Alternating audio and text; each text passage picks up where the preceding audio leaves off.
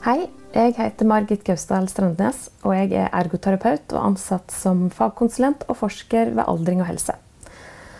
Jeg skal nå gi en kort versjon av det som var prøveforelesningstemaet mitt i oktober 2023. Betydningen av korsang for livskvalitet for personer med demens. Men vi starter med det du skal huske etter denne undervisningen. Og det er at aktiviteten korsang inneholder element som kan ha betydning for livskvalitet. Men det finnes lite forskning gjort på korsang, livskvalitet og demens.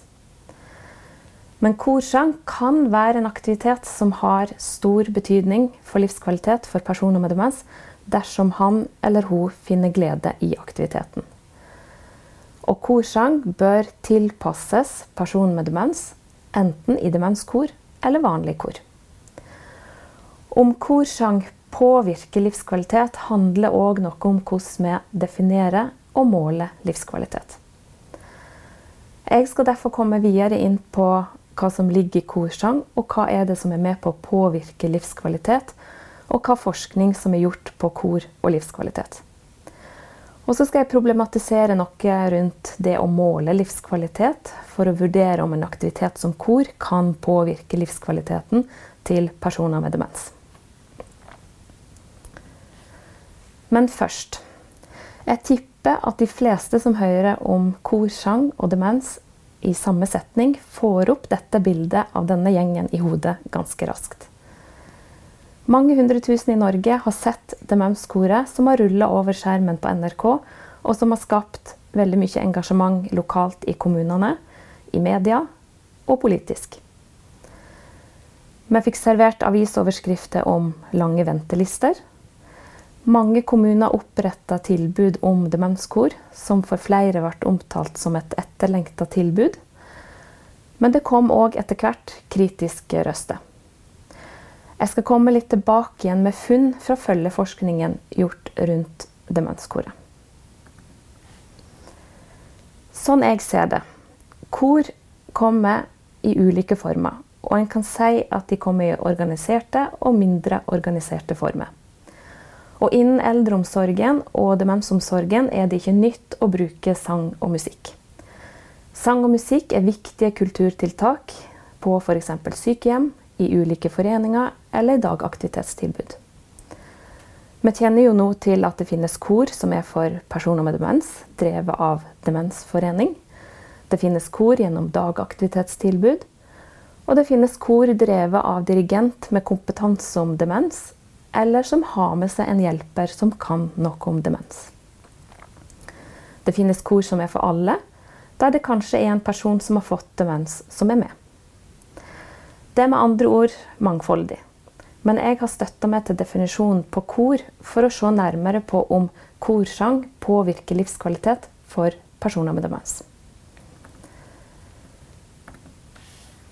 Og korsang er en aktivitet som kommer av kor. Og definisjonen sier noe om at et kor er flere personer som synger sammen i en organisert form. Og at koret har en dirigent som leder øvelser og konserter. Og det man må huske på, er at personene i koret det er individuelle, unike personer med en felles interesse for å synge i kor. Videre fokuserer jeg på kor for hjemmeboende personer med demens. Men vi må ta et skritt tilbake først. Å få demens det påvirker, som vi vet, hele livet. Og det viser seg at de kognitive forandringene som personen opplever, er krevende. Og aktivitetsmønster en er vant til, forandrer seg. Personer med demens uttrykker bl.a. et ønske om å fortsatt ha mulighet til å være seg sjøl ved å bevare identitet, ved å fortsette hverdagslivet, oppleve mening og autonomi. Være inkludert som person både i familien og i sosiale relasjoner. Få informasjon og være delaktig i avgjørelser som handler om de. Føle seg nyttig, altså gjør noe de føler er meningsfullt og som kan være til nytte for andre. Og behov for aktiviteter i hverdagen, både i og utenfor heimen. Og I ergoterapien så snakker vi om at mennesket er av naturen aktivt og har et medfødt behov for å delta i meningsfulle aktiviteter. Og kor kan være en aktivitet som har betydning for mange.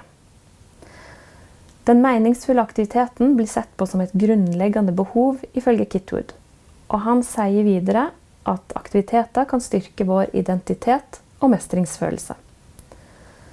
Studier viser at deltakelse i det personer opplever som meningsfulle aktiviteter, er i seg sjøl helsefremmende.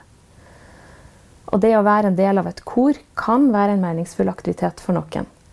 Og viktigheten av å opprettholde den aktiviteten til tross for sykdom kan for mange være viktig ut ifra dette synet.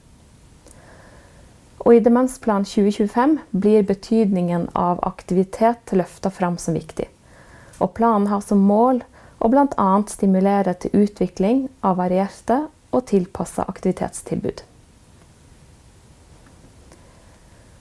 Og Da kan vi gå videre til å snakke mer om hva aktiviteten korsang er. Hva består han av? Jeg har oppsummert det slik at vi kan si at korsang består av tre deler. Det ene er at det handler om musikk og sang, om et sosialt fellesskap og om ledelse og faste rammer. Så for å forstå hva som ligger i korsang, så vil jeg kort si noe om de ulike delene her. Sang og musikk det er noe vi alle har et forhold til helt fra vi er født. Sang og musikk har en sentral rolle i menneskelivet, og det påvirker oss på en rekke måter og nivåer, både følelsesmessig, kognitivt, sosialt og kulturelt. Det er òg vist at musikk påvirker hjernen. Musikk har en evne til å påvirke emosjoner, som videre kan gi fysiologiske endringer som pulsendring og gåsehud. Og musikk har en evne til å aktivere belønningssystemet i hjernen. Og musikk aktiverer og involverer mange områder i hjernen. Musikk har òg vist seg til å kunne uttrykke og manipulere følelser. Den kan virke stressreduserende, smertelindrende og angstdempende. Og musikk har en tendens til å bringe mennesker sammen og bli brukt i sosiale settinger som konsert, fest og seremonier. Og sang og musikk er en viktig del av kulturell identitet og kan bidra til å definere en person sin tilhørighet til en bestemt kultur eller gruppe. Og det er stor interesse for effekten av sang og musikk på trivsel, livskvalitet og helse, både blant friske og syke. Korsang handler òg om et sosialt fellesskap, der en kommer sammen på øvelser og synger på konserter. Sosiale tilstelninger med kaffe eller måltider kan ofte være en del av en korøvelse. Og sosial stimulering er involvert i aktiviteter som en gjør sammen med andre. Og korsang er jo et eksempel på det. Et sosialt fellesskap er bl.a. av Kitwood sett på som et grunnleggende menneskelig behov. Og sosial stimulering er òg sett på som helsefremmende og trivselsskapende. Mangel på aktivitet som blir oppleves meningsfulle, og mangel på sosialt fellesskap er ofte rapportert av personer med demens i en rekke studier. Men så har vi ett element til i korsang som handler om lederskap og faste rammer. Kor er en organisert form hvor det er en dirigent som leder og som har ansvaret for det musikalske. Men det blir ikke et kor om dirigenten ikke klarer å motivere eller inkludere de som synger i koret. Dirigentrollen er en unik blanding av bl.a. musikalske, utøvende, pedagogiske, kommunikative og psykologiske aspekt. Og dette i seg sjøl er et stort fagfelt, og jeg skal ikke utdype det noe mer her, annet enn at dirigentens rolle, sammen med rammene for korøvelse, med faste tider og faste føringer for innholdet, er en viktig del av korsang. Om vi relaterer det til personer med demens, så er jo struktur, ramme og forutsigbarhet viktig. Oppsummert så kan vi si at korsang inneholder element som hver for seg er viktig for mennesker generelt, men òg for personer med demens. Men for å si noe om betydningen av korsang for livskvalitet for personer med demens, så må vi si noe kort om det, og hvordan det måles. Livskvalitet handler om en person sine følelser og tanker om livet. Og det påvirkes av personlige verdier, preferanser, forventninger, sosial og psykologisk støtte, samt økonomiske, biologiske og psykologiske forhold. Og den subjektive livskvaliteten kan være god sjøl ved f.eks. sykdom. Generelt definerer Verdens helseorganisasjon livskvalitet som en persons opplevelse av sin posisjon i livet i konteksten av kulturen, verdisystemet de lever i, i forhold til deres mål, forventninger, standarder og bekymringer. Og det har vært diskusjon om denne definisjonen kan relatere seg til personer med demens, da den stiller høye krav til en persons kognisjon for å kunne vurdere. Når det gjelder personer med demens, er det de som mener at livskvalitet er basert på de samme dimensjonene som hos den generelle befolkningen. Og innen demensomsorgen er det beskrevet at livskvalitet, spesielt i senere faser av demenssykdommen, kan opplevelsen av glede og velvære i øyeblikket bety mest for opplevelsen av livskvalitet. Det vi ser, er at livskvalitet er litt komplekst, og det er uenighet om dimensjoner i begrepet. Uansett så er livskvalitet et viktig mål generelt, og spesielt innen helse- og omsorgstjenesten. Og vi kjenner jo til at livskvalitet ofte er hovedmålet innen demensomsorgen. Et velkjent og mye brukt skjema for å måle livskvalitet hos personer med demens, er dette skjemaet som heter 'Quality of Life in Alzheimer Disease'. Og Skjemaet er mye brukt i studier hvor en person da skal vurdere sin egen fysisk helse, sin arbeidslyst, sitt humør, sin boligsituasjon, sin hukommelse, sin familie, sitt ekteskap, sine venner, sin mulighet for å delta i meningsfulle aktiviteter, sin mulighet til å gjøre huslige gjøremål, sin økonomiske situasjon og livet som helhet. Og vi ser her at dette skjemaet bygger på det multidimensjonale livskvalitetsbegrepet. Og vi ser jo òg hvor omfattende spørsmålene kan være for personer med demens å svare på med tanke på redusert kognisjon.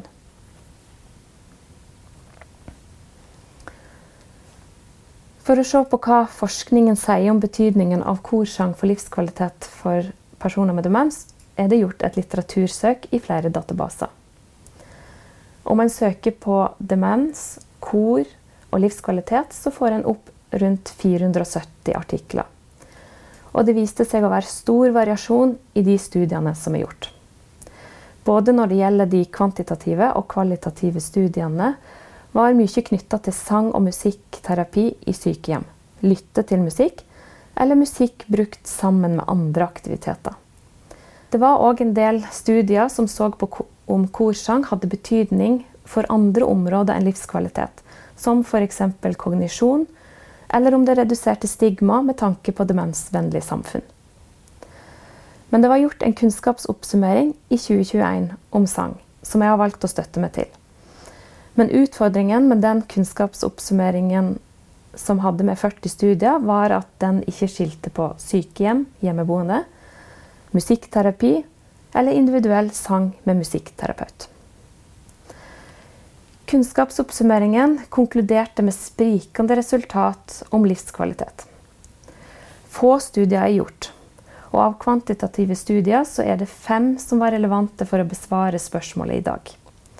Men det er kun to studier som rapporterer signifikante forskjeller på livskvalitet med sjølrapportering. Den første studien her randomiserte 59 personer med demens i mild grad i en malegruppe og en sanggruppe, som var ledet av en dirigent sammen med en psykolog. Og de ønsker å se på om maling eller sang kunne påvirke opplevd smerte, livskvalitet og kognisjon. I sanggruppa sang de to timer hver uke i tre måneder. Livskvalitet ble målt med en visuell skala, Evibe, hvor personen skulle angi hvordan han eller hun hadde det der og da. De brukte òg livskvalitetsskjema som heter DEMCALL, som er et skjema som tar for seg hvordan personen føler seg, opplever hukommelsen sin, og hvordan de opplever den praktiske hverdagen. Både male- og syngeintervensjon førte til umiddelbar opplevelse av forbedra well-being. Og det var ingen forskjell mellom gruppene.